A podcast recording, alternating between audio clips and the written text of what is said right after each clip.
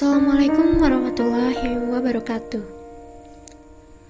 Seorang mahasiswa mengunjungi salah satu panti asuhan, dan dia memang dikenal oleh orang-orang di panti asuhan tersebut sebagai salah satu langganan donatur. Namun kali ini, dia tidak berniat memberikan donasi saja, tetapi dia berencana memberikan pelatihan kewirausahaan online kepada para anak yatim piatu di panti asuhan tersebut. Terutama para anak yatim piatu yang sudah menginjak sekolah menengah atas. Lalu anak-anak yatim piatu di panti asuhan itu bermain rebana sebagai hiburan atas timbal balik donasi yang diberikan sebagaimana biasanya. Pemilik dan pengurus panti asuhan ini awalnya sempat meragukan apakah usulan dari mahasiswa ini disambut baik oleh mereka anak-anak yatim piatu.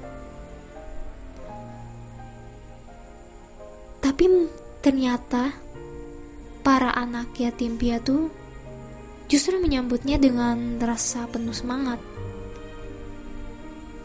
Bahkan sampai ada sebagian dari mereka para anak yatim menghampiri dan mengatakan secara empat mata pada sejumlah pengurus.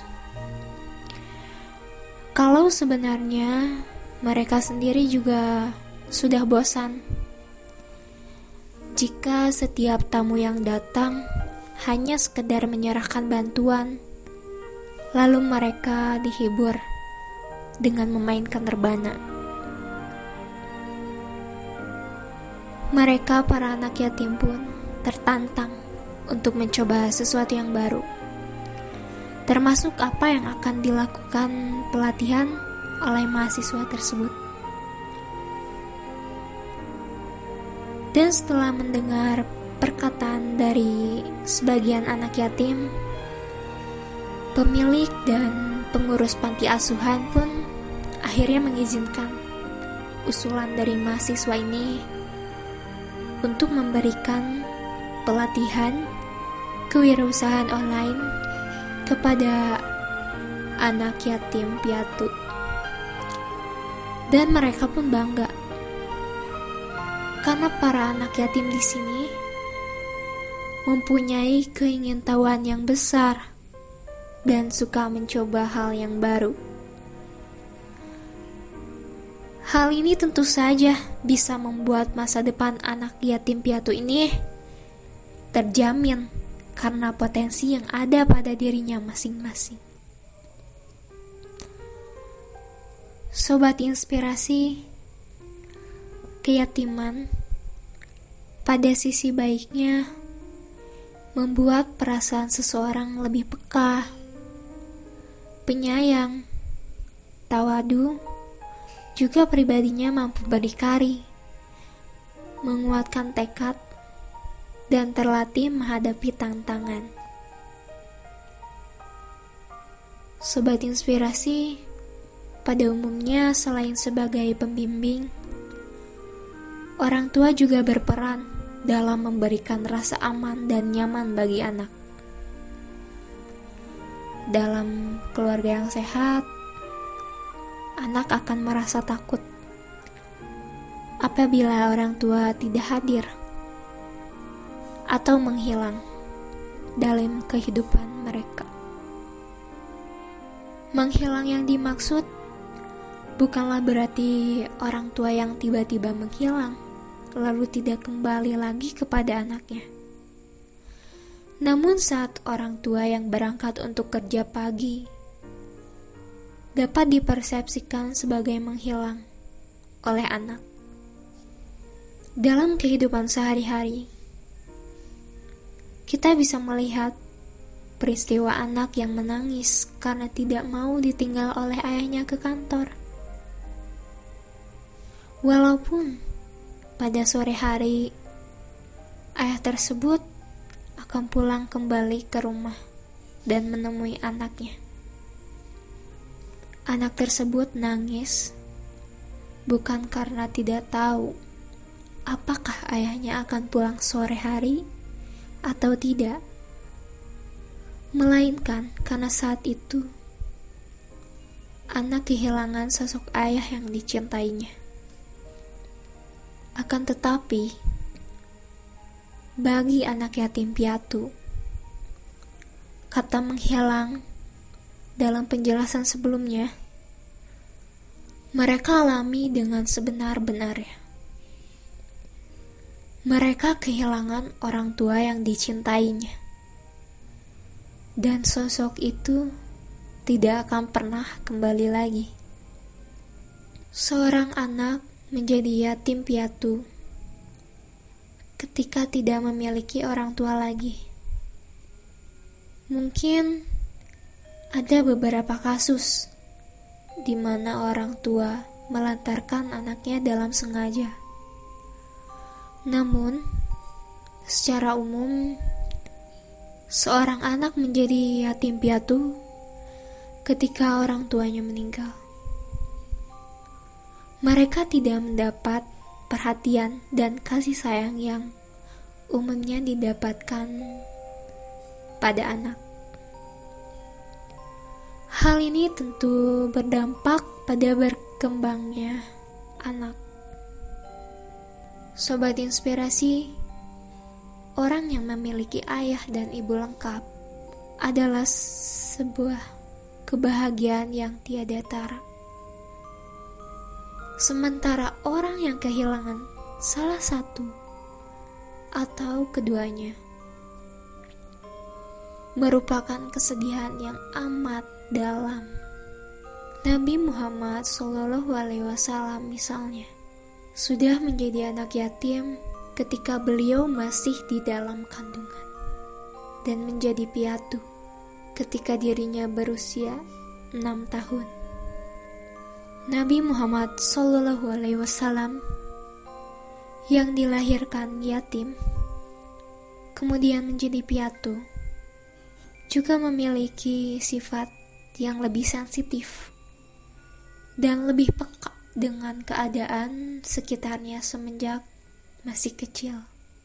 Tapi Allah Subhanahu wa taala Maha Adil.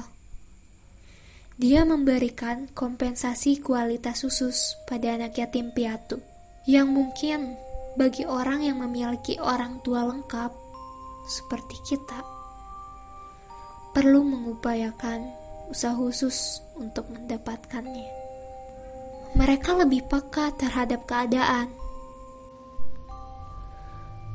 Nabi Muhammad kecil yang yatim waktu itu juga sempat diasuh oleh ibu sepersusuannya, yaitu Halimah binti Sa'diyah dari suku Hawazin. Selama kurang lebih tiga tahun, Nabi Muhammad pun tumbuh menjadi anak yang cepat tanggap, telaten, dan jujur. Selain itu, beliau juga peka dan sensitif, sehingga dirinya juga kerap membantu temannya yang kesusahan dan selalu bersikap bersahaja. Walaupun ia terkenal memiliki kecerdasan yang luar biasa dibandingkan anak seumurannya. Sifat-sifat inilah yang membuat Nabi Muhammad pun juga masih dapat mengingat dengan baik masa kecilnya. Terutama saat datang dua orang berbaju putih dan berambut hitam. Yang tak lain adalah malaikat yang diutus oleh Allah Ta'ala untuk mengangkat dan membersihkan keburukan dalam diri Nabi Muhammad kala itu. Ia bahkan masih mengingat bahasa yang diucapkan oleh malaikat tersebut dan bahkan ketika dirinya dibaringkan di atas batu dan dibedah isi dadanya dan dibolak-balikan, ia juga masih ingat ketika Halimah berusaha menenangkan dan merangkul dirinya yang terdiam ketakutan setelah peristiwa itu. Ketika pada akhirnya dia ditinggal juga oleh ibunya, Siti Aminah Lalu kakeknya Abdul Muthalib dan harus dititipkan ke pamannya yang miskin, yaitu Abu Talib. Beliau menunjukkan sifat mandiri, inisiatif dan berdikarinya. Beliau dengan senang hati mengembalakan kambing-kambing, bersedia untuk diajak berdagang ke Syam oleh pamannya.